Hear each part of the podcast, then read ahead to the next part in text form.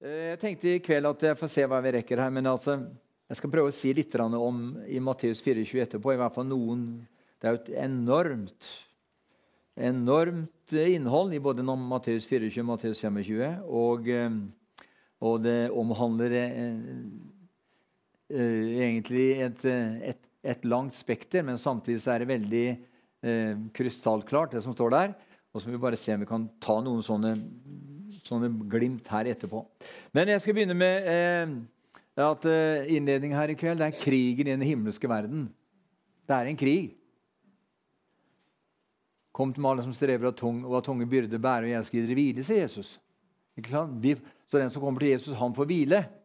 Og, eh, og, eh, og, og dette her med at hva han sier i, altså, si, i Filippe-brevet dette her med at, at, han skal bevare vårt hjerte og våre tanker i Kristus Jesus fra nå til evig tid. Så vi har egentlig fred i ham da, på alle plan. Men allikevel så er det, en, er, er kraft mot kraft. Vi ser i den politiske situasjonen i landet vårt nå. Vi ser da at eh, sosialistene inviterte Taliban. Og, eh, eh, og, det er jo det får de gjøre som de vil med, men eh, det er lite klokt. da.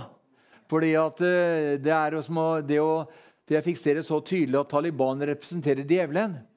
Og det er klart at det å ha en dialog med djevelen, det er helt umulig. Du kan ikke ja, vi setter oss med djevelen og så samtaler litt med han, og så har vi en dialog med han. Det er helt klin umulig, det, for han har holdt på dialogisert holdt jeg på å si, med mennesket helt siden eh, Adam og Evas dager. Men, eh, så vi behøver ikke bruke noe som, vi ikke bruke så mye tid på det som ikke det er rart. Men eh, Norge er jo en særskilt posisjon. Nemlig at Norge er eh, ut fra folketallet så er et av verdens rikeste land ved siden av Luxembourg og et par andre sånne eh, lilleputtland. Så er, er Norge så søkkrikt på så mange områder. Men politikerne våre og myndighetene våre de later som om vi ikke er det. At vi har ikke penger, og skal alt, alt, skal skyves fram til framtidige generasjoner. Men, det, men det, er jo, eh, og det er greit, han skal tenke på dem etter seg, men må ikke, det må ikke bli det en floskel at alt skal skyves fram i tid. Fordi at, fordi at Herren han vil at det, det norske folket skal, skal, skal, kunne ha eh, det de trenger til her og nå også, uten å jobbe seg i hjel. Når vi var guttunger, så vokste vi opp eh, nede på Alvim. Eh, nede i Strurveien vokste vi opp. da, Strurveien 13. Og der, I hele Strurveien og Buvikveien der, sånn, så var det hundrevis av unger. altså. Og alle, alle, foreldre, alle som bodde der, var stort sett borgårdsarbeidere alle sammen. Og alle hadde mellom to og syv unger hver seg. Så det var et, eh, og alle flytta inn der i 1951-52. Så det var, et, det var en mengde unger der av gutter og jenter. Og det gjorde at det ble veldig mye lek og veldig, det var fotballøk. Og det var liksom på en måte eh, veldig, veldig fint å være da, og vokse opp i hvert fall de 10-12 første åra vi bodde vi der. for vi flytta til Kuland. Men altså, det som var spesielt med Malvin, var at, det, det var at det, det var veldig sjelden at det var to i en familie som jobba. Det var mamma som var hjemme. Eh, og hadde middagen klart når gubben kom. ikke sant? Og så eh, smurte skolepakker og, og, og, og, alt mulig. Det var på en måte, det var, og, det var, og det gikk rundt. Det gikk rundt. Men i dag, i 2022, så er egentlig det en helt annen situasjon. I dag er det helt klin umulig nesten for, et, eh, for en vanlig arbeider med, med normal lønn å forsørge en familie aleine. Og det er derfor, så, er, derfor så blir denne samlingen som vi ofte foretar oss eh, i, eh, i, altså i, Norge med, i forhold til sammenligner oss med Tyskland og Frankrike og, og Italia og Spania og Portugal osv. Så, videre, så er det sånn at, vi, Men vi glemmer å gå inn og se hvordan arbeidssituasjonen i de nasjonene er. Og der er det ikke så at det er to som må jobbe for å få hjula til å gå rundt. altså. For at Norge er et høykostland, og så har vi 250 000 flere ansatte i landet vårt enn det egentlig er behov for. Men de 250 000 har vi råd til å ha. Og la oss takke Gud for det, for vi kan ta ut over 300 milliarder fra den velsignelsen Gud har gitt oss gjennom oljefondet hvert år. Som gjør at det fins hundretusener av mennesker som egentlig mer eller mindre er overflødige hvis vi kommer til worst case. kan du si. Men fordi at vi har midler til å holde, holde dem i arbeid, så, eh, så gjør vi det. Og det var noe av det som Gro Harlem Brundtland begynte med. Det var, var, nemlig sånn at det var en høy arbeidsledighet i Norge. Det var borti 400 000 var arbeidsledigheten. Og hva skal vi gjøre med den? Jo, altså, så kom noen kloke hoder begynte å se at det, eh, inntektene begynte å øke. Så fant man ut at vi får, vi får ta et raid, og så får vi uføretrygde så mange som mulig. Og så fikk, klarte man i løpet av eh, noen, noen år å, å, få arbeidsledigheten ned på et eh, normalt nivå, som de snakka om rundt 3-5% og så sammenligna man da med Sverige. bare for jeg tar bare den som en innledning, så man seg da med Sverige, som, Sverige og Finland, som hadde en arbeidsledighet på 7-8-9-10. Men så glemte man det at plutselig så hadde Norge en, Norge en uføregrad på rundt 10% som er Europas høyeste. Ja, så, men vi skal la det ligge. Men på den, det jeg skulle tilbake til, var på den tida så, var, så klarte en familie å leve på én inntekt. Ja, og jeg husker at eh, En del av slektningene mine der var også på faren min, på, han, hen, på hans uh, onkler og uh, tanter. da, som jobba gjerne på Borgård alle sammen. her i byen, for Det var jo 5000-7000 ansatte på Borgården på 50- og 60-tallet. Eller i hvert fall, i hvert fall på 50-tallet så var det eh, så, så, ja, så, var det rundt der. Og da hadde de til og med 500 mann som jobba i anlegget. Fordi det, det, var ikke bare det pengejaget som var drivkraften. Det var 500 som egentlig kanskje ikke hadde fått en jobb i dag. Men, det, men bedriften tok dem inn, og de fikk lov til å være med å jobbe i anlegget. som De kalte det. De fikk lov til å være med å feie litt og male litt og rydde litt. Og på den måten så ble de inkludert i fellesskapet i sammen med alle de andre. Men i dag gjelder ikke slike kjøreregler. I dag er kjørereglene maks pengeutpressing, eller maks penger ut av hvert, hver eneste arbeidstaker. Liksom. Og det gjør, og det er en del av årsaken til at vi har fått en sånn en forholdsvis stor andel av den norske befolkningen som ikke er i arbeid. Og derfor har kostnader og allting steget så voldsomt. Så landet Norge, venner, det er, har eh, det er rikdommen som har gjort det, at vi, kunne, at vi, kan holde på sånn. Men det er også krefter bak dette her. så det står det at, det, det står det at når Israels folk gikk ut fra Egypten, og, og Herren talte til dem gjennom Moses Når dere kommer inn i det lovede land, og dere blir mette Eh, og, eh, og, eh, og sette bo osv. Og, og, og, og tiden i Egypten og, og fattigdommen er borte, så glem ikke Herren deres Gud. Og Det er nemlig det som har skjedd i landet vårt. venner. Det er at det norske Stortinget, norske folk i stor grad har glemt Herren sin Gud. For det er bare å ringe til Nav eller det er bare å sørge for et eller annet, så får man det man trenger til for å kunne overleve. For sosialloven i Norge sier at det er ingen i denne nasjonen som skal behøve å dø av sult. Og alle har krav på et sted å bo. Så kan vi si at på mange måter så, så er behovet for Gud i landet vårt blitt borte. Men det har også ført til at ugudeligheten øker og synden øker i et slikt slikt omfang som, eh, som, eh, som, ikke er Gud velbehagelig. Og er det, og, dette her, og alt dette her har sitt opphav i, i den usynlige, åndelige verden. For Gud har en majestetisk plan for denne nasjonen før Jesus kommer igjen. Og det som Gud vil virke fram i denne nasjonen, det er et folk som tjener ham. Derfor vil Herren, som vi hørte i sangen her også, holy, holy, holy, Herren vil hellige seg. Når Herrens herlighet og hellighet manifesterer seg i dette landet, landet, så vil selv politikerne helt opp på statsråd og statsministerposter og høyt opp i Høyesterett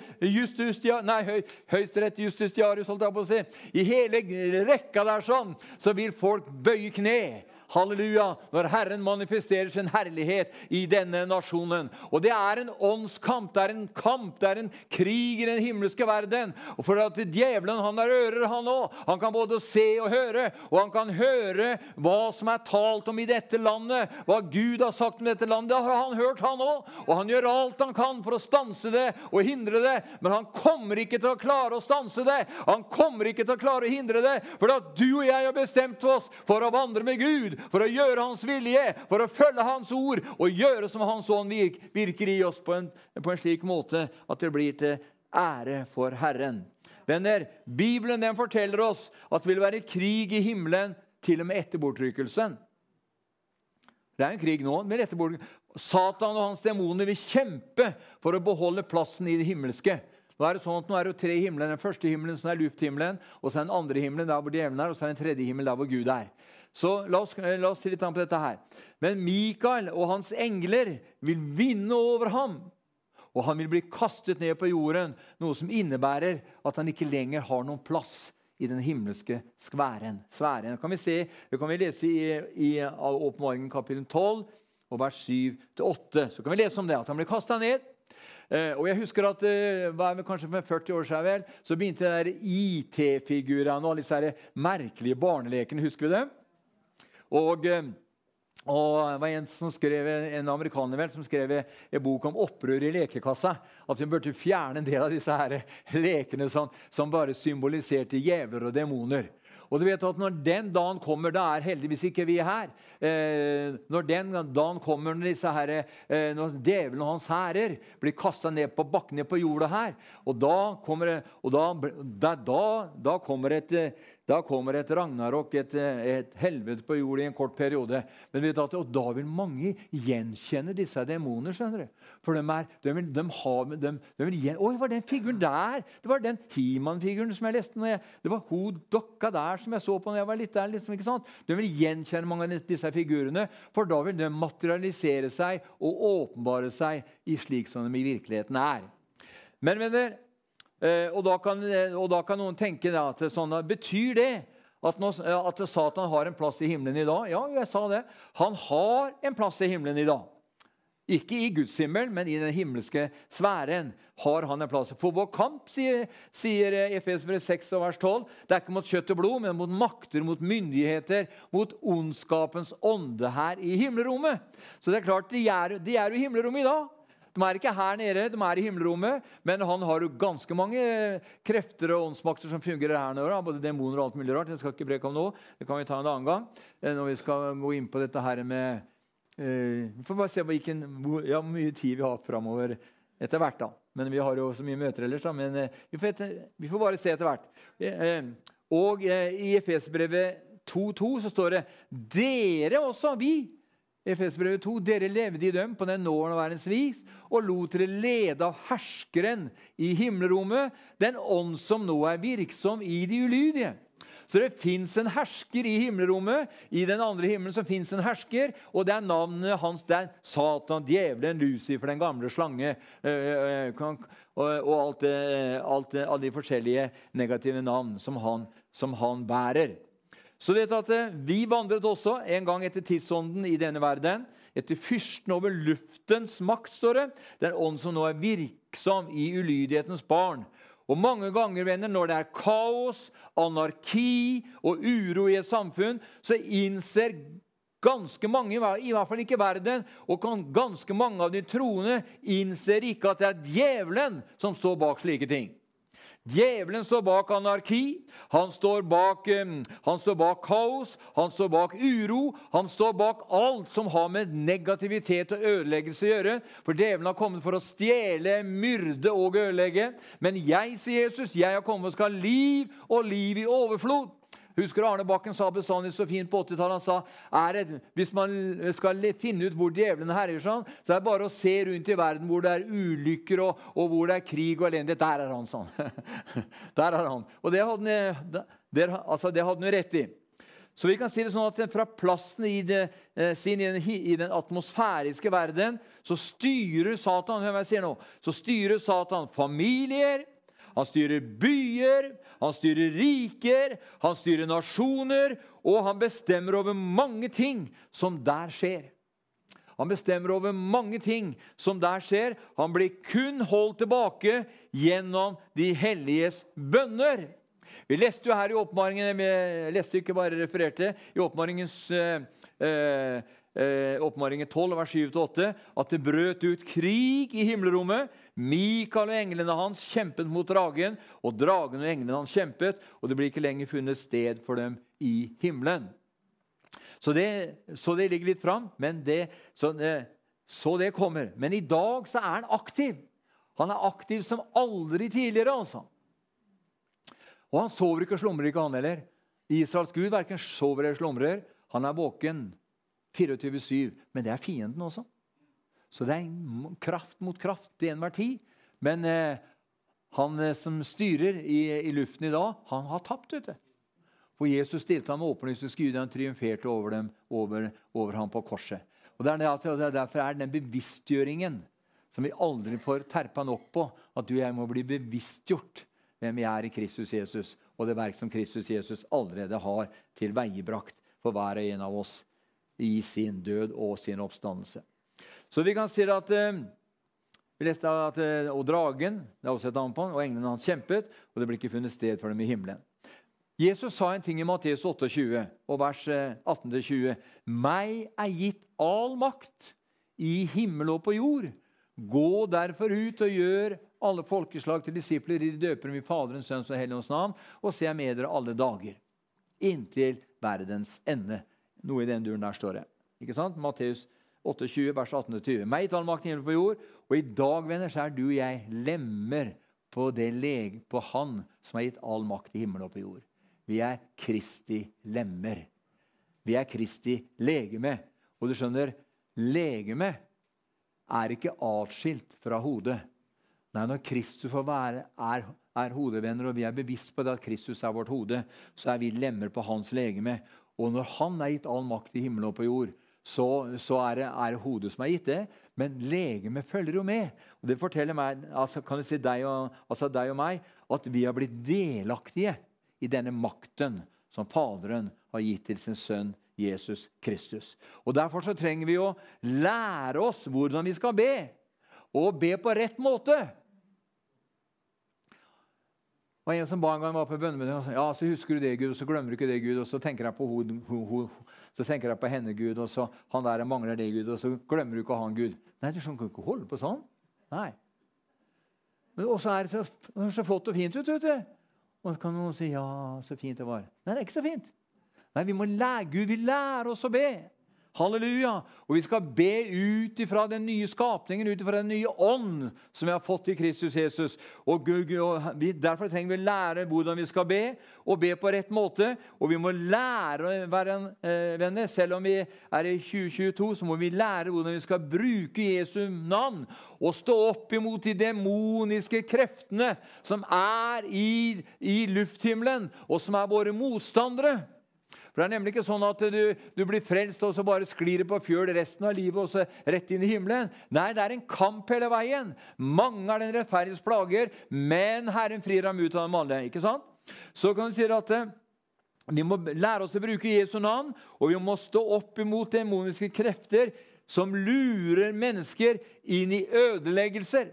Det er fienden som lurer mennesker inn i ødeleggelse og setter i gang problemer i verden og problemer rundt oss, venner. Men vi må ikke glemme at du og jeg vi har fått all makt og autoritet for å redusere Satans krefter, hans aktiviteter, og begynne å ta ansvar for vår verden. Ja, men Kan vi gjøre det? da? Jo, gjennom våre bønner. Og gjennom å begynne å, å begynne å, fungere i den overnaturlige dimensjonen av kraft og styrke som Gud er, allerede, eh, som Gud er ovenifra har gitt oss gjennom sin sønn Jesus Kristus. Halleluja. Så vi har fått all makt og autoritet for å redusere sataniske krefter. Hans aktiviteter og begynne å ta ansvar for verden. Vi har makt til å stoppe djevlene, og vi har makt til å holde ham under våre føtter. Jesus sa til sine disipler i Lukas 10 og i vers 19.: Se, jeg har gitt dere makt til å trå på slanger og på skorpioner over alt fiendens velde, og ingenting skal skade dere. Les det verset. La oss lese det høyt. Ja, jeg har gitt dere makt til å tråkke på slanger og skorpioner og makt over all fiendens velde. Ingenting skal skade dere. Så er mitt spørsmål er det sant. Det er sant. Og du vet at eh, Når skal vi begynne å, begynne, eh, begynne å fungere i den dimensjonen der? Vi kan begynne her og nå. Halleluja. For han som bor i oss, venner, han har allerede vunnet en evig og en fullkommen seier. Og Derfor har Herren gitt Han ga disiplene makt, og det, det ga dem før korset. Men etter korset så har vi fått del i en enda større kraft. Halleluja, i hvert fall ikke noe mindre kraft. Han har gitt oss makt til å tråkke på, på slanger og skorpioner og makt over all fiendens velde. Så det betyr at uansett hva fienden måtte finne på og skal, forsøke å skape problemer og vanskeligheter gjennom alle former for skyld skilsmisser og alt som får skje i samfunnet. Uvennskap og ukjærlighet og hat og, og, og av alle kategorier. Det kan du og jeg gjøre noe med. Det kan vi gjøre noe med, for vi har, vi har blitt delaktig i den makten. Han har gitt oss makt til å trede på slanger og, eller trå på slanger og skorpioner over alt fiendens velde, og ingenting skal skade oss, står det. Du skjønner, Det handler om å være frimodig på det du har gitt, eller altså på, altså på det som Gud har gitt deg og meg. Vi må handle på det med frimodighet. Vi er ikke hjelpeløse, venner.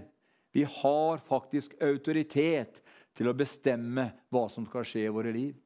Ja, har vi det? Ja, vi har det. Men vi må se det, og så må vi tro det, og så må vi handle på det. Kvinnen med blodsykdom hun sa, hun sa bare jeg får røre ved hans kledebånd, så blir jeg helbredet. Det står hun trengte seg fram i køen, rørte ved hans kledebånd. En kraft gikk ut av Jesus og helbredet. Hun sa det. Hun sa det. Bare jeg får røre ved hans kledebånd, så, blir jeg helbreda. Og hun rørte ved den. Hun sa det, og så fikk hun det. Nei, hun, nei, hun gjorde det. Hun rørte ved den. Hun sa bare jeg får røre ved den. Hun kunne, kunne, levd, hun kunne dødd av blodsykdommen sin. Hun. Hvis hun hadde bare sagt bare jeg får røre ved hans kledebånd, så blir jeg helbreda. Og bare gått og sagt det. Men hun handla på det hun sa. Hun rørte ved den, og en kraft gikk, gikk ut av Jesus, og hun ble helbreda. Jesus er den samme i dag. Vi må gjøre det vi sier vi skal gjøre. eller det Guds ord sier vi skal gjøre. Jeg gikk på et uh, markedsføringskurs en gang. og Der var en sånn GSD ja, Forkortelsen var 'Gjør det du sier du sier du skal gjøre'. Det var i business, altså. Gjør det du sier du sier du skal gjøre. For Det er mange som sier ting de skal gjøre, men de gjør det aldri. Men Da blir det heller ikke noe resultat. Men du må gjøre det du sier du sier du skal gjøre. Amen. Halleluja. Så du vet at eh, vi har autoritet til å bestemme hva som skjer, skal skje i våre liv og i livene til våre familiemedlemmer, i vår nasjon og rundt om i verden ved å bruke Jesu navn.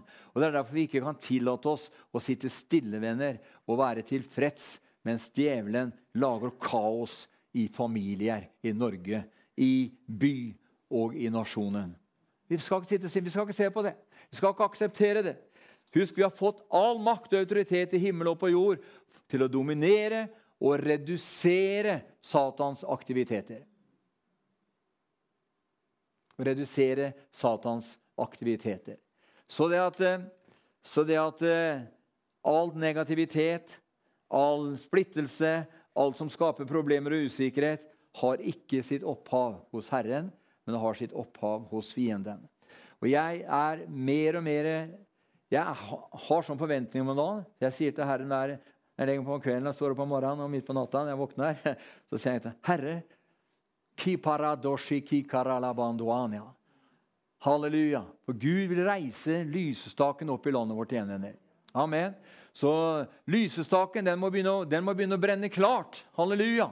Den som tenner et lys, han setter, ikke, han setter ikke under benken så ingen ser det, men han setter det i staken, ja.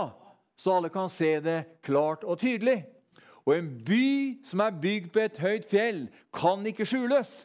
Og du og jeg vi har fått bygd våre liv på klippen Jesus Kristus. Og du og jeg vi skal ikke være usynlige, skjønner. Vi skal være synlige. Halleluja. For han som døde og sto opp igjen for hver og en av oss, han lever og sitter ved Faderens høyre hånd, og han bor ved troen i ditt og mitt hjerte, for at du og jeg allerede her i tiden skal begynne å herske og regjere med ham. Ikke herske og regjere overfor hverandre, men herske og regjere i vårt eget liv.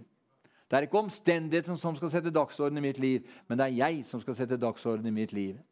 Amen. Halleluja. Priset være Jesu navn. Så det var bare sånn Halleluja. Og jeg må ta meg i det daglig, holdt jeg på å si, at jeg ikke må bli irritert når jeg ser på ser hvordan og hører våre politikere og mange andre hvordan de snakker og hvordan de resonnerer osv. Men eh, så da kommer Herman og sier begynn å be for dem. Begynn å be for dem. Be for Jonas Gahr Støre. Be for Anniken Huitfeldt. Og det satt langt inne, men be for henne også. Ja, be for dem! Vi skal egentlig be for dem. Og Barth Eide og den gjengen der som bare er opptatt med 2030. Men vi skal be for dem! For Jeg kjente her når Maria sang den sangen 'Hellig, hellig', så fikk jeg når jeg manifesterer min hellighet på denne nasjonen, så skal politikere høyt oppe i gradene bøye sine knær og be til meg om frelse. Amen. Og det kan skje raskere enn vi er klar over, venner. Amen. For Gud kan snu rundt på hele, hele situasjonen i landet vårt på én dag. Amen. Og Vi ser hvordan de geopolitiske situasjonene er bl.a. i Europa nå, med, med, med Russland og, og, og, Ukraina og, eh, og eh, resonnementet til Nato den andre veien osv. Men vi skal, bare, vi skal la det der bare være. Og så skal vi bare være klar over det, venner, at det, at det kommer forandringer. Og, den, og verden har mye kaos i vente. Men hos deg og meg, i Guds menighet, så skal det være herlighet. Det står i, det var mørke over hele Egypten, står det. Men i Gosen var det lys. Amen. Og du og jeg, vi, til, vi er jo i, eh, plassert allerede i ham, i den himmelske Gosen. Så for deg og meg så er det ikke noe mørke, men det er lys. Amen.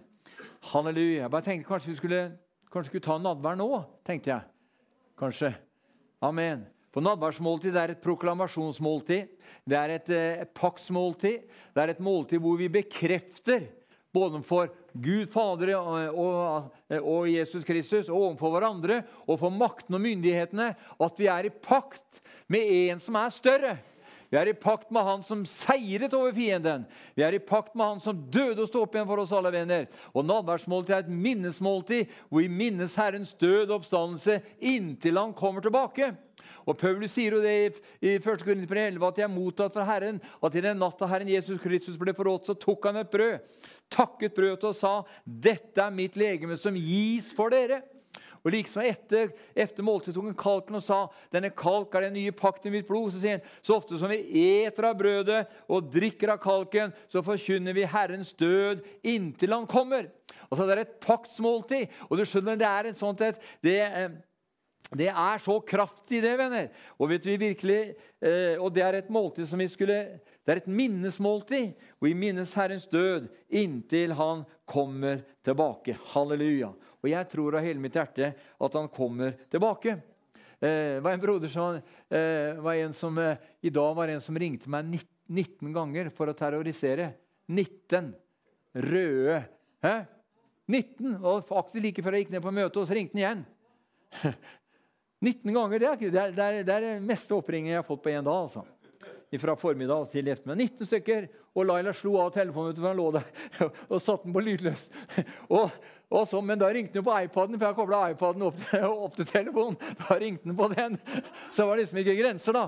Men halleluja, Gud er god, vet du. Og han har en mektig plan for denne nasjonen. Han har en mektig plan for deg! Amen, halleluja! Han vil at ikke du skal snu deg og se deg tilbake, men at du skal feste blikket på ham som er troens opphavsmann og fullender. For han som begynte en god gjerning i og gjennom deg, han skal fullføre den. Amen, halleluja! Og Derfor er tiden kommet at vi skal, bli, vi skal være frimodige, vi skal være djerve, og vi skal bare proklamere navnet Jesus. Og vi skal stryke Jesu blod over by og bygder og over våre familier og våre slekter og alt som skaper, og alt som, altså, og alt som ikke fungerer, skal vi bare løse ut Guds løsninger i Jesu Kristi Nazarets navn. Amen. For tiden har kommet, venner, at det mørket kommer til å bli mørkere, og ondskapen kommer til å bli hardere og hardere. Men samtidig så tror jeg hele mitt hjerte at det skal bli kraftigere lys i Guds rike. Og du og jeg vi skal komme inn i den dimensjonen som gjør at når fienden kommer med et eller annet tilbud, så sier vi 'Nei takk, i Jesu navn'. Er det nok? Ikke sant? Da er det nok. Skjønner, noen ganger han, sa det, han Smith Wigglesworth, han sa det sånn. Han, eh, han sto ved han sto, skulle ta bussen. Jeg har sikkert hørt den beretningen før. Eller, ja, kanskje mange ganger. Men han sto bort på en bussholdeplass borte i England og, skulle, og venta på bussen. Og så var det en dame som bodde i et hus ved siden av der, og, hun hadde en liten hund. og Hun springer ut, ut fra gårdsplassen og sto ved siden av, ved siden av eh, dama der sånn, og hun sa 'Snille bisken, gå hjem, da'. Skynd deg hjem, da. Skynd deg hjem, Bisken. Skynd deg hjem. Mamma skal på bussen, skal til, til torvet. Skynd deg hjem. Og bikkja bare reagerte ikke. vet du.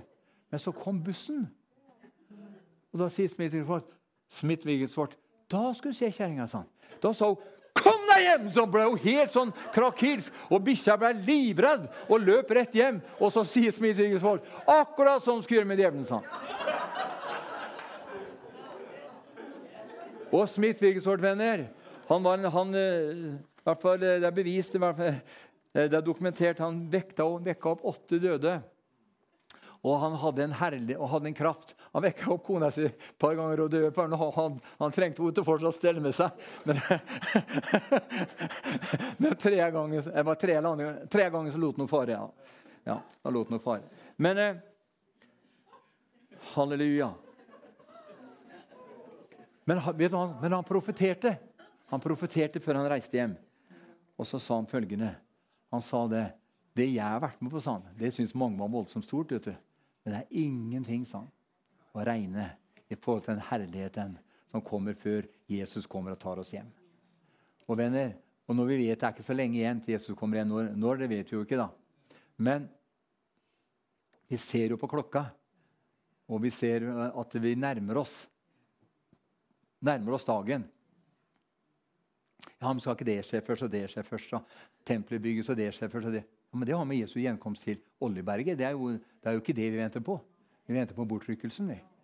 Ja, vi kommer litt inn på det etterpå. Vi skal se litt på Matteus 24. Og, det er, eh, og skal ta utgangspunkt i vers 14, som blir brukt veldig, i, i, i, veldig mange settinger, og hvor veldig mange eh, eh, både predikanter, evangelister og andre bruker det som et, som et, eh, som et utgangspunkt for, eh, for evangeliets fullførelse, nemlig eh, Matteus 24, 14, hvor det står at dette og dette evangeliet om riket skal bli forkynt i hele verden som et vitnesbyrd for alle folkeslag, og så skal enden komme. Det er mange som mener, mener at dette er når Jesus kommer kommer og tar oss hjem, nemlig bortrykkelsen. Eh, men det kan ikke være riktig. Fordi at Eh, dersom vi skal legge Paulus sin forkynnelse til grunn, og det må vi gjøre. Eh, I 1. Korinterbrev 15 eh, og i vers i 1. Korinterbrev 15 og i vers 51-54 så leser vi her at 1. det 15 og 51-54 så står det her Se, jeg sier dere en hemmelighet. Vi skal eh, ikke alle sovne inn, men vi skal alle bli forvandlet. I et nu, i et øyeblikk, ved den siste basun, for basun skal lyde, og de døde skal oppstå uforgjengelige, og vi skal bli forvandlet. For dette forgjengelige må bli ikledd uforgjengelighet, og dette dødelige må bli ikledd udødelighet. Men når dette forgjengelige er blitt ikledd uforgjengelighet, og dette dødelige er blitt ikledd udødelighet, da blir det ord oppfylt som står skrevet. Døden er oppslukt til seier. Vi ser her at Det spesielle verset her, det er det verset det ordet 'hemmelighet'. Se, jeg forkynner en hemmelighet, sier Paulus, og det er brukt hele 27 ganger i Nytestamentet. Ordet 20 ganger av Paulus, han som etter sitt møte med Jesus eh, på veien til Damaskus ble frelst, døpt og åndsdøpt, og som fikk i oppdrag å fullføre Guds ord. Det kan vi lese om i Apostelgjerne 9. Skal ikke slå opp det. Men ifølge Galaterbrevet 1 og i vers 17 Eh, og videre så står det at han ble så ført til Arabias ørken, hvor Herren gjorde ham kjent med sine hemmeligheter vedrørende menigheten. Videre ble han av Gud satt til å forvalte disse hemmeligheter. Og det er sånn, slik jeg ser det, om Bibelen leses og forstås kronologisk, så kan ikke Jesus her i Matteus 24, 14, mene at menigheten, Kristi kropp, skal forkynne evangeliet om riket, eller tusenårsriket, eller riket for Israel. Fordi menigheten på det tidspunktet hvor Jesus sier dette her, var en hemmelighet til Gud. Det var ikke åpenbart ennå. Som eh, Paulus var den første som fikk denne hemmeligheten åpenbart. Og det er klart at Da blir det feil å ta Markus, Matteus 24, 14 og si at det handler om menigheten. For det, det, kan ikke gjøre det.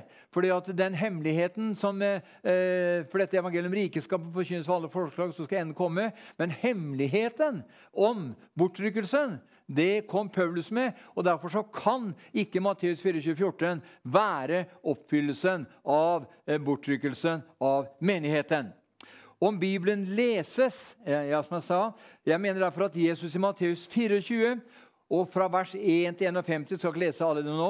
Vi, egentlig, vi, skal, vi, skal, komme tilbake til det en annen gang. Svarer på de tre grunnleggende spørsmål som disiplene stilte Jesus her i Matteus 24 og i vers 3. Så sier han så, Da han satt på Oljeberget og disiplene var alene med ham, kom de til ham og spurte, 'Si oss, når skal dette skje?' Og Da hadde vi det vi kan lese om i kapittel 23. Eh, når skal dette skje?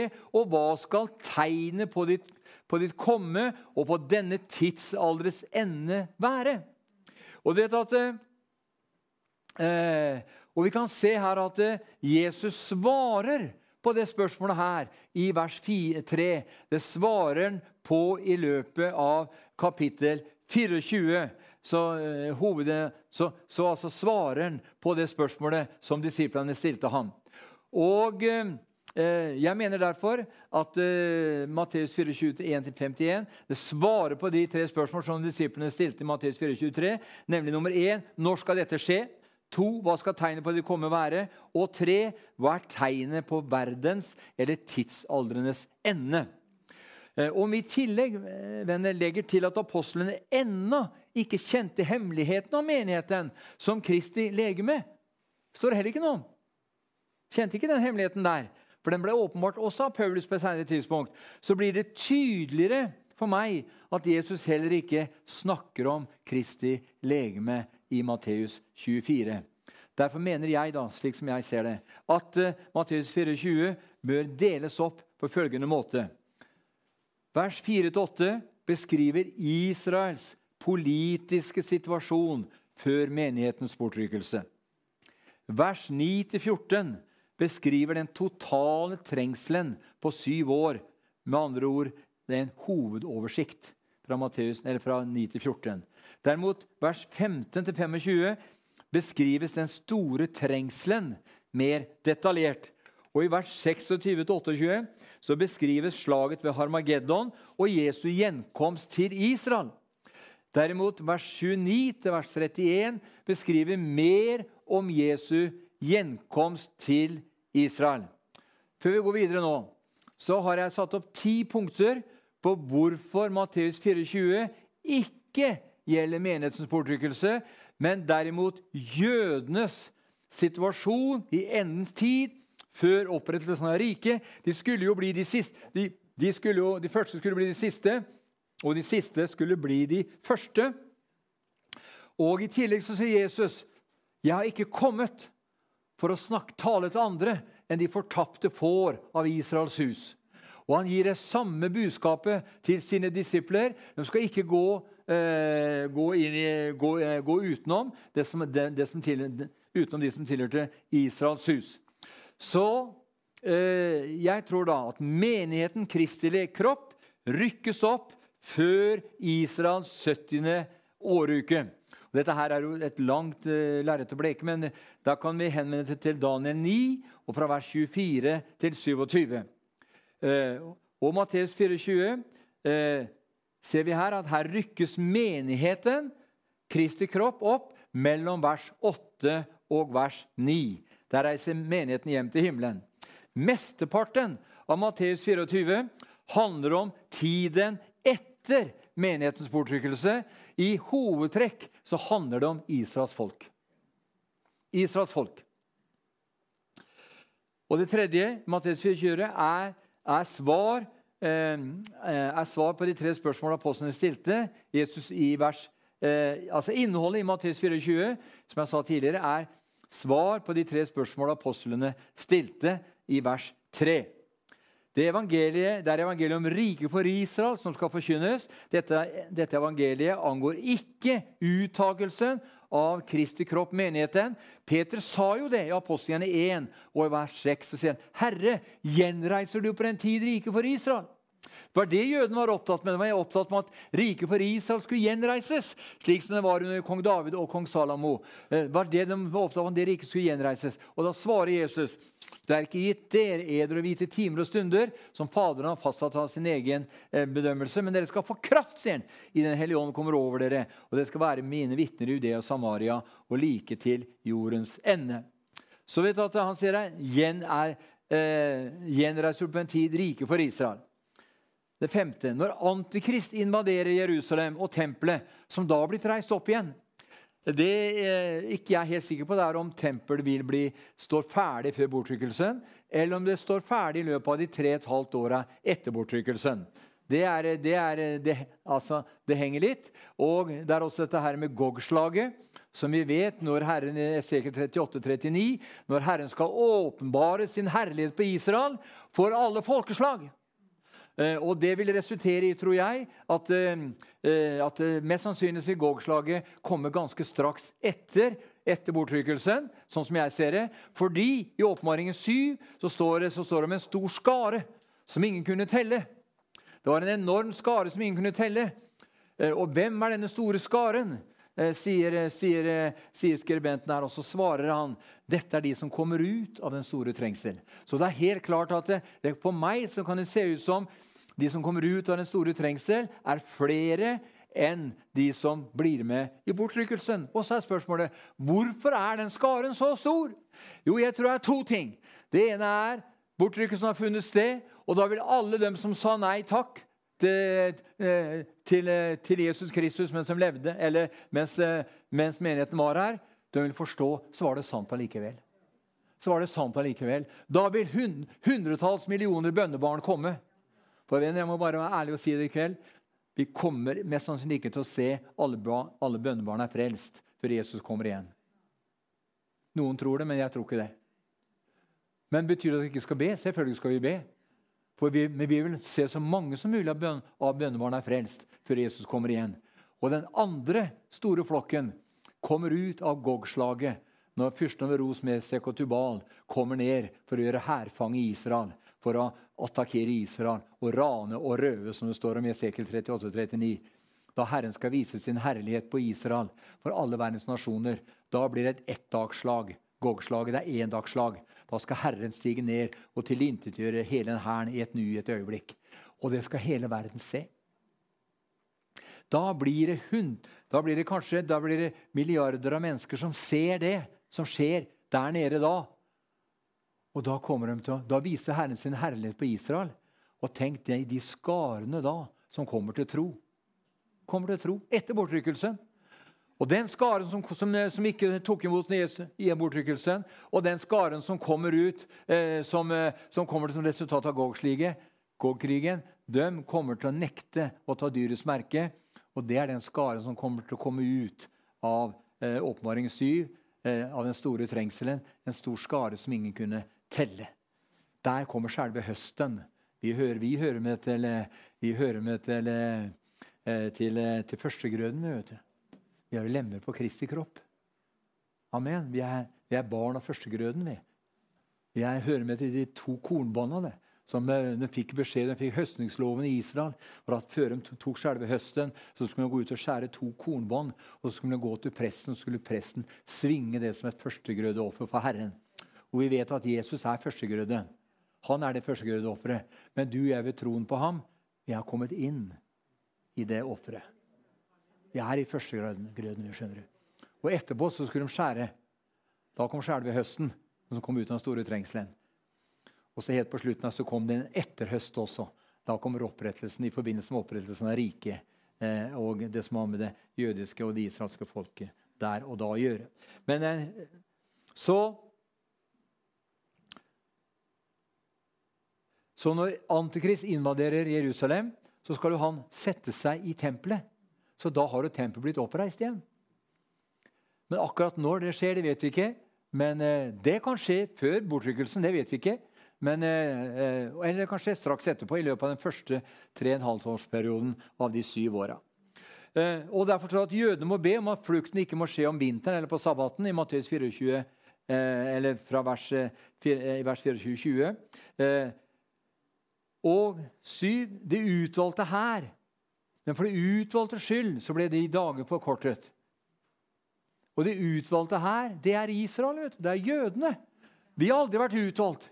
Men vi er utvalgt til Kristus Jesus fra før verdens grunnvoll ble lagt. Men det utvalgte folket, det er det israelske folket. Det er det jødiske folket. Det er det utvalgte. Og, eh, og, og, eh, de, eh, det er da ikke den kristne menigheten, men det er Israel. Fordi menigheten Kristi kropp på det tidspunktet er bortrykket. Hvorfor? Jo, for den, fordi for menigheten så tilhører ikke trengselen og straffen som hører Guds vrede til.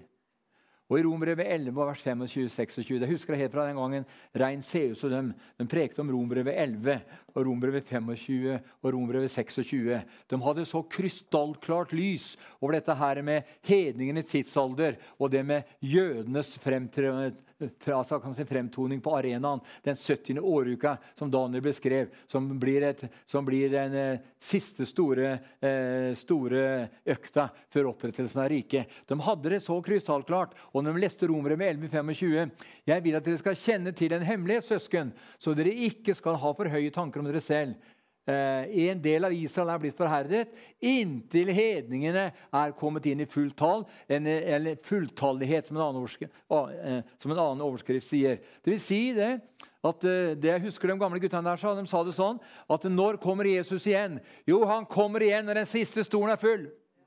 Gud har et bestemt antall hedninger som skal tas inn. Og I det øyeblikket, de, i det øyeblikket den, den, siste hedningen er tatt inn, eller han kan, han kan, godt være jøde for den altså, saks skyld. Men når den, første, den siste er tatt inn, så, når hedningens antall er fullt, da reiser menigheten hjem. Og i den menigheten er det også jøder. Altså må ikke misforstå. Er også jøder var i de første åra etter, etter, Jesus sto opp igjen og eh, fra det døde evangeliet gikk ut, så var det stort sett bare jøder som ble fred. var bare jøder. Det var helt, var helt fram til Apostelgjerningen kapittel 10 før du finner hvor han kom til Kornelius' hus, hvor eh, vekkelsen og eh, Paulus kom på banen og begynte å forkynne evangeliet for hedningene osv. Så, videre. så vi kan si det sånn at, at, at den kristne menighet den er da borte fordi den er, den er bortrykket til Gud. For, hvorfor det? Jo, for den tilhører ikke straffen og trengselen, men som hører Guds vrede til. Og så er det det siste tallet. Når Eh, siste, når hedningens tall er fullt, så kommer det til vers 26. Deretter skal hele Israel bli frelst. Slik det står skrevet. Fra Sion skal redningsmannen komme. Han skal ta bort gudløsheten fra Jakob. Da kommer han med alle sine hellige. Da skal også hvert øye se ham, også dem som har gjennomstunget ham. Og da blir som det blir, blir på Golgata, venner, fra den sjette til den niende time, så ble det bekmørkt. Det blei bekmørkt. Helt svart ble det. Og så kom det et jordskjelv. Og så ropte Jesus, Eli, Eli, sabachthani, min Gud, min Gud, hvorfor har du forlatt meg? Og så ropte han ut, det er fullbrakt. Og da sa de romerske soldatene, sannelig, sannelig, han var Guds sønn. Det ble bekmørkt. Og det kommer til å bli, og jeg, I mange år så gikk, så gikk jeg og lurte på det, hvordan, hvordan, hvordan skal hvert øye se ham. da? Du kan lese I Matteus 23 så står det om at eh, de skal, Jesus sier, 'Jeg kommer ikke tilbake til dere', sier han. Til jødene. Før de roper 'velsignet være Han som kommer i Herrens navn'. Og da skal de rope, og Du kan lese om eh, ta profeten Zakaria og så mange ting. men nei, vi skal ikke skal, Så da, da, da skal, Fra Sion skal redningsmannen komme. Da kommer Jesus med alle sine hellige. Da, er det, da sola mista sin glans. Du kan lese i, lese i Apostlene 2. Da sola mista sin glans. Eh, månen mista sin glans, stjerna mista sin glans. Det er bekmørkt, det er helt svart. Men da kommer Jesus i front for sin himmelske skare. Halleluja. Da kommer han som fredsfyrsten fra Sion, fra den himmelske Sion. Så kommer han ned på Oljeberget som revner i to. Og så går han og tar i tu med Antikrist på slaget ved Harmageddon.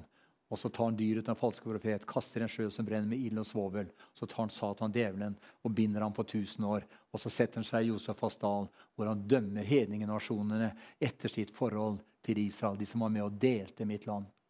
Og Det er det, jeg, det, er det som, er, som, jeg er så veldig lei meg for, det er at, at vi har norske myndigheter som kjører det løpet der. Kjører det løpet. For da vil altså i tusenskikkes vil den enkelte nasjon få de grensene som er fastsatt av Faderen i himmelen. Og da vil de nasjonene og da vil de få tildelt grenser og områder i overensstemmelse med hvordan de håndterte Israel og det jødiske folket. Og Det er mye mer å si rundt det, men det, skal, det får vi ta en annen gang. Jesus skal ved sin gjenkomst til Israelvenner og Oljeberget sende englene ut for å høste inn hans utvalgte jøder i diasporaen. Fra hele verden. Matteus 24, 31 og vers 31 snakker ikke om den kristne menighetsbortrykkelse. At englen skal hente de utvalgte. Han skal ikke hente deg og meg. Nei, Han skal hente resten av jødene rundt omkring i verden. Som er de samme ordet 'utvalgte' som i vers 31 er brukt i vers 22. Den befrir oss hedningekristne fra oppgaven om at det er vi hedninger som skal fullføre og hente jødene hjem til Israel. Det skal vi slettes ikke. Vi skal ikke fullføre det. Herren selv skal fullføre det. At han skal sende englene til slutt og hente dem hjem til det landet Erets Israel, det som Gud lovet Abraham. Halleluja. Så, og Fikentreet, tegnvenner, er et tegn på Israels nasjonale oppreisning i endens tid. Sommeren her er et bilde på tusenårsriket, altså med andre ord riket for Israel, i Matteus 24, og vers 32 36. Jeg leser alle versene her nå. Men, eh, og I Matteus 24, 37-42 så står det om den som blir rykket bort. Det, altså De står om de som blir rykket bort, og de som blir tatt med. Hvor ble de rykket bort? Jo, de blir rykket bort til dom og den blir drept. I tillegg vil alle de som har tatt dyrets merke, bli drept. De vil bli drept. Og de som vil la tilbake, er de som vil fortsette sin vandring med Gud inn i tusenårsriket. De får ingen nye kropper der og da. Nei, de, de, som, blir, eh, de som blir latt tilbake, som ikke har tatt dyrets merke og ikke fornekta Kristus, eh, de, de, blir jo med i levende tilstand inn i, inn i riket. De. men de får ikke nye legemer. Men eh, eh, videre vil alle de som døde som martyrer under hele den trengselperioden, under trengseltiden, de vil stå opp fra de døde før opprettelsen av tusenårsriket. Og de får nye kropper og, eh, og, og, og, er utilgjengelige. For så å regjere med Kristus, Kristus i tusen år. De øvrige venner vil nemlig ikke bli vekket opp før de tusen år er gått, hvor de vil bli stilt fram for dommen for den store, hvite trone, som vi kan lese om i Åpenbaringen 20 og i vers 11. Men i Matteus Vi kan jamføre dette Matteus 24 med, med Matteus 13. Vi Skal se på et vers her, Matteus 13. Og i, i vers, eh, Det hører kanskje hjemme mer i bibeltime. det jeg snakker om nå. Men vi kan ta bare Jeg tar sånn raskt her, i hvert fall første trinn. Matteus 13, og vers 41 til 43 så står det her. Menneskesønnen skal sende ut sine engler, og de skal sanke ut av hans rike alt som holder ansett, og de som lever i lovløshet, og de skal kaste dem i ildovnen, der skal de gråte og skjære tenner. Da skal de rettferdige skinne som solen i sin fars rike. Den som, den som har rører, han, han høre. Eh, menneskesønnen skal sende ut sine engler, og de skal kaste, sanke ut av hans, ut av hans rike alt som holder anstøt. Altså, de får nemlig alle de som da lever, og som har tatt dyrets merke når Jesus kommer på kommer og gjør, altså tar et oppgjør på Harmageddon. Alle som har dyrets merke, blir drept. Og alle og, og, og, For dem dør, men de levende der, da For det vil også være en del hedninger der som har gjort vel mot Israel. Og det vil også være en del jøder, eh, ganske mange levende jøder også. De blir med inn i det tusenårige riket, pluss alle de som ble martyrer og som ble drept i løpet av den syvårsperioden. De får, de får da nye legemer og blir med inn i riket for Israel. Uh, og I Matteus 24, vers 40-41 så ser vi her at det, ser vi her at det står her at uh, eh, 41 til Nei, 40-41 står det her. Da skal to menn være ute på marken, den ene blir tatt med, den andre blir latt tilbake. Eh, to kvinner skal male sand på kvernen. Den ene blir tatt med, og den andre blir latt tilbake. De som blir latt tilbake her, venner, får komme inn i riket.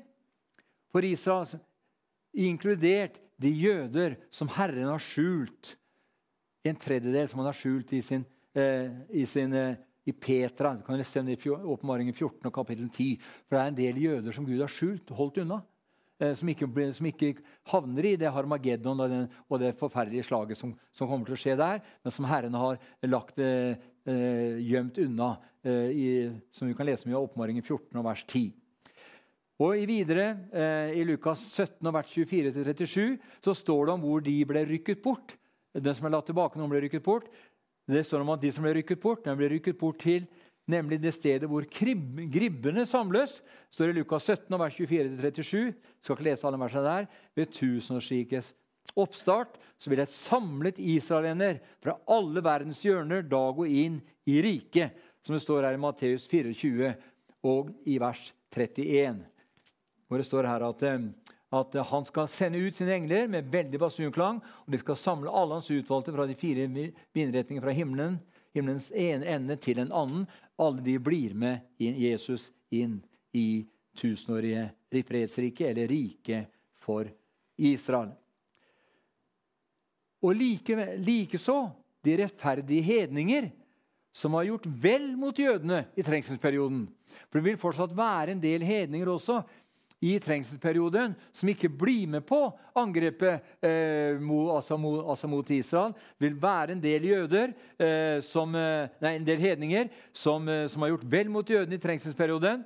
Eh, dem kan vi lese om i, for i, i Matteus 25 og i vers 34. Så står det om dem her at eh, da skal kongen si til dem ved sin høyre side, kom hit. dere dere som er velsignet av min far, og har det rike som er beredt for dere fra verdens og belagt. For jeg var sulten, og dere ga meg mat. Jeg var tørst, og dere ga meg drikke. Jeg var fremmed, og dere, tok, og dere tok imot meg. Jeg var naken, og dere kledde meg. Jeg var syk, og dere så til meg. Jeg var i fengsel, og dere kom til meg. Da skal de rettferdige svare ham og si, Herre, når så vi deg sulten og gav deg mat, eller tørst og gav deg å drikke? Når så vi deg fremmed og tok imot deg, eller naken og gav deg klær? Når så vi deg syk eller i fengsel og kom til deg? Og kongen skal svare og si til dem, sannelig, sannelig, sier jeg dere, alt dere gjorde mot en av disse, minst, en av disse mine minste brødre, det har dere gjort imot meg. Eh, så skal han si til dem på venstre side, gå bort fra meg, dere som er forbannet til en evig ild, som er beredt for djevelen og hans engler. For jeg var sulten, og dere ga meg ikke mat. Jeg var tørst, og dere ga meg ikke å drikke. Jeg var fremmed, og dere, ga, og dere tok ikke mot meg. Jeg var naken, og dere kledde meg ikke. Jeg var syk og, og i fengsel, og dere så ikke til meg. Da skal de svare ham og si og, svar, da skal også de svare ham og si, Herre, når så vi deg sulten eller tørst eller fremmed eller naken eller syk eller i fengsel og tjente deg ikke? Da skal han svare dem og si, sannelig sier jeg dere, det dere ikke gjorde mot en av disse minste, det har dere heller ikke gjort mot meg. Og disse skal gå bort til evig pine, men de rettferdige til evig liv. Og dette her skal ikke gå for, dypt inn på det, men det vil være en del hedninger også som, er, som ikke forbanner Israel, og som vil være med å, og som, og eh, gjør mot mine minste brødre.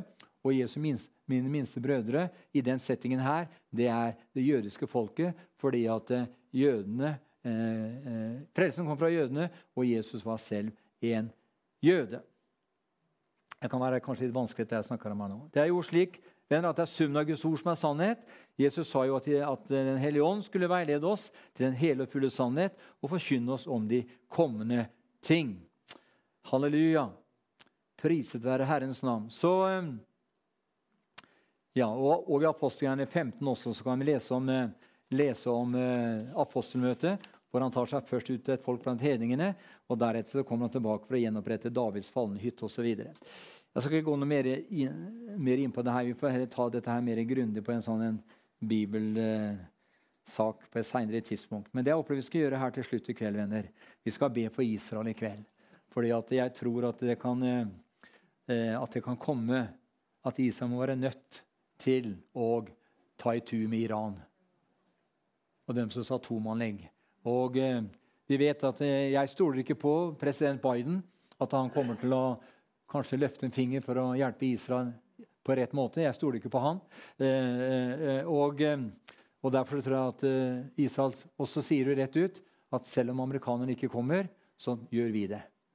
For det er nemlig sånn at hvis naboen din sier til deg bare jeg blir sterk nok, så skal jeg slå deg i hjel.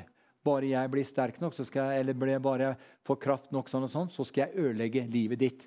Og, sånn at, og du vet at hvis naboen det han sier, det mener han, og da, Hva gjør du da? Ja, men Da ta, må du ta alle forhåndsregler for å hindre at naboen blir i stand til å utføre det han har sagt han skal gjøre mot deg.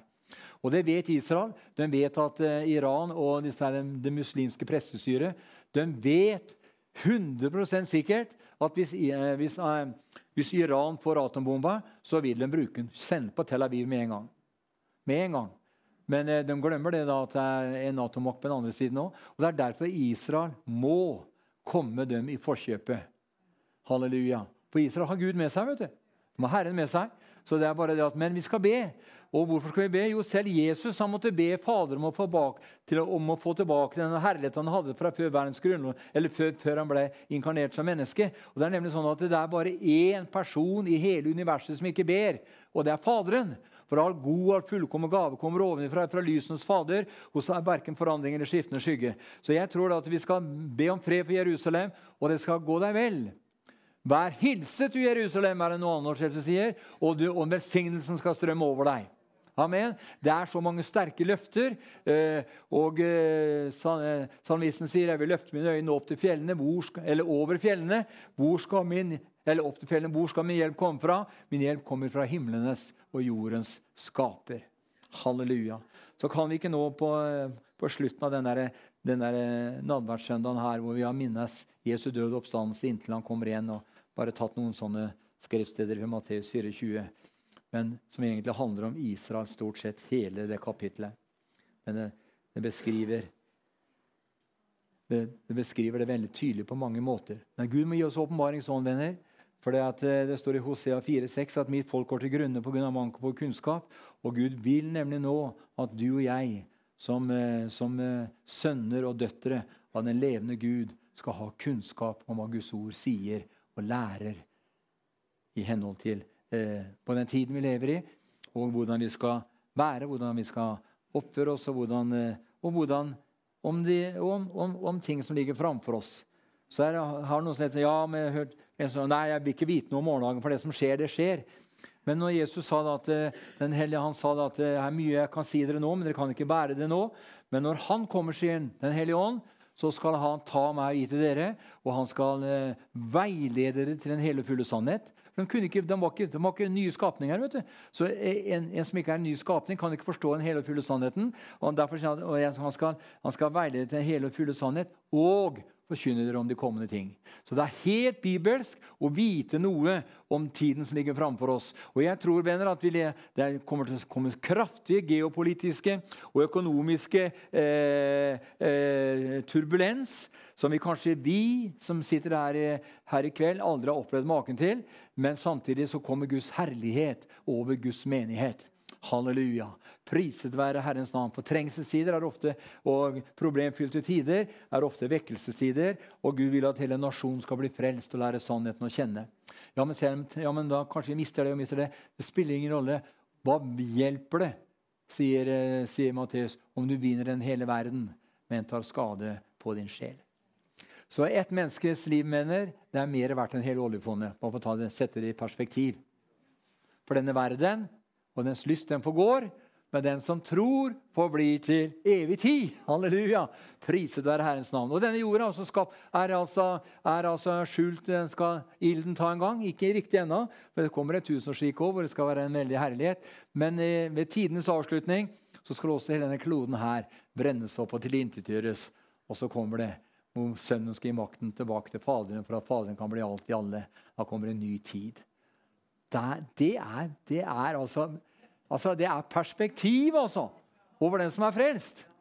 Jeg mener at det, eh, Som jeg sa, på, eh, sa, eh, sa, i går kveld Jeg sa dette her om at, at det med Israels gjenopprettelse det står så krystallklart. De skal bli spredt for alle folkeslag, og så skal de komme tilbake og få sitt land. Og når de fikk sitt land 14. mai 1948, og Ben Gurion proklamerte staten Israel det var et sånt, en, en bibelsk oppfyllelse, så alle verdens filosofer og vitenskapsmenn de skulle jo kaste seg på sine knær og sagt at Bibelen er sann. Men hvorfor gjør de ikke det? Det er fordi denne verdens Gud skjønner du, har forblinda de vantro sinn, som ikke ser lyset ifra Herren. Halleluja. Men, men, men, men hadde det stått for eksempel, i en annen verste bok, så hadde de tatt imot. vet du. Men det er helt ufattelig. For meg er det helt ufattelig. Da. Det er jo det sterkeste profetiske signalet vi har på at Jesus kommer snart. Amen. Halleluja.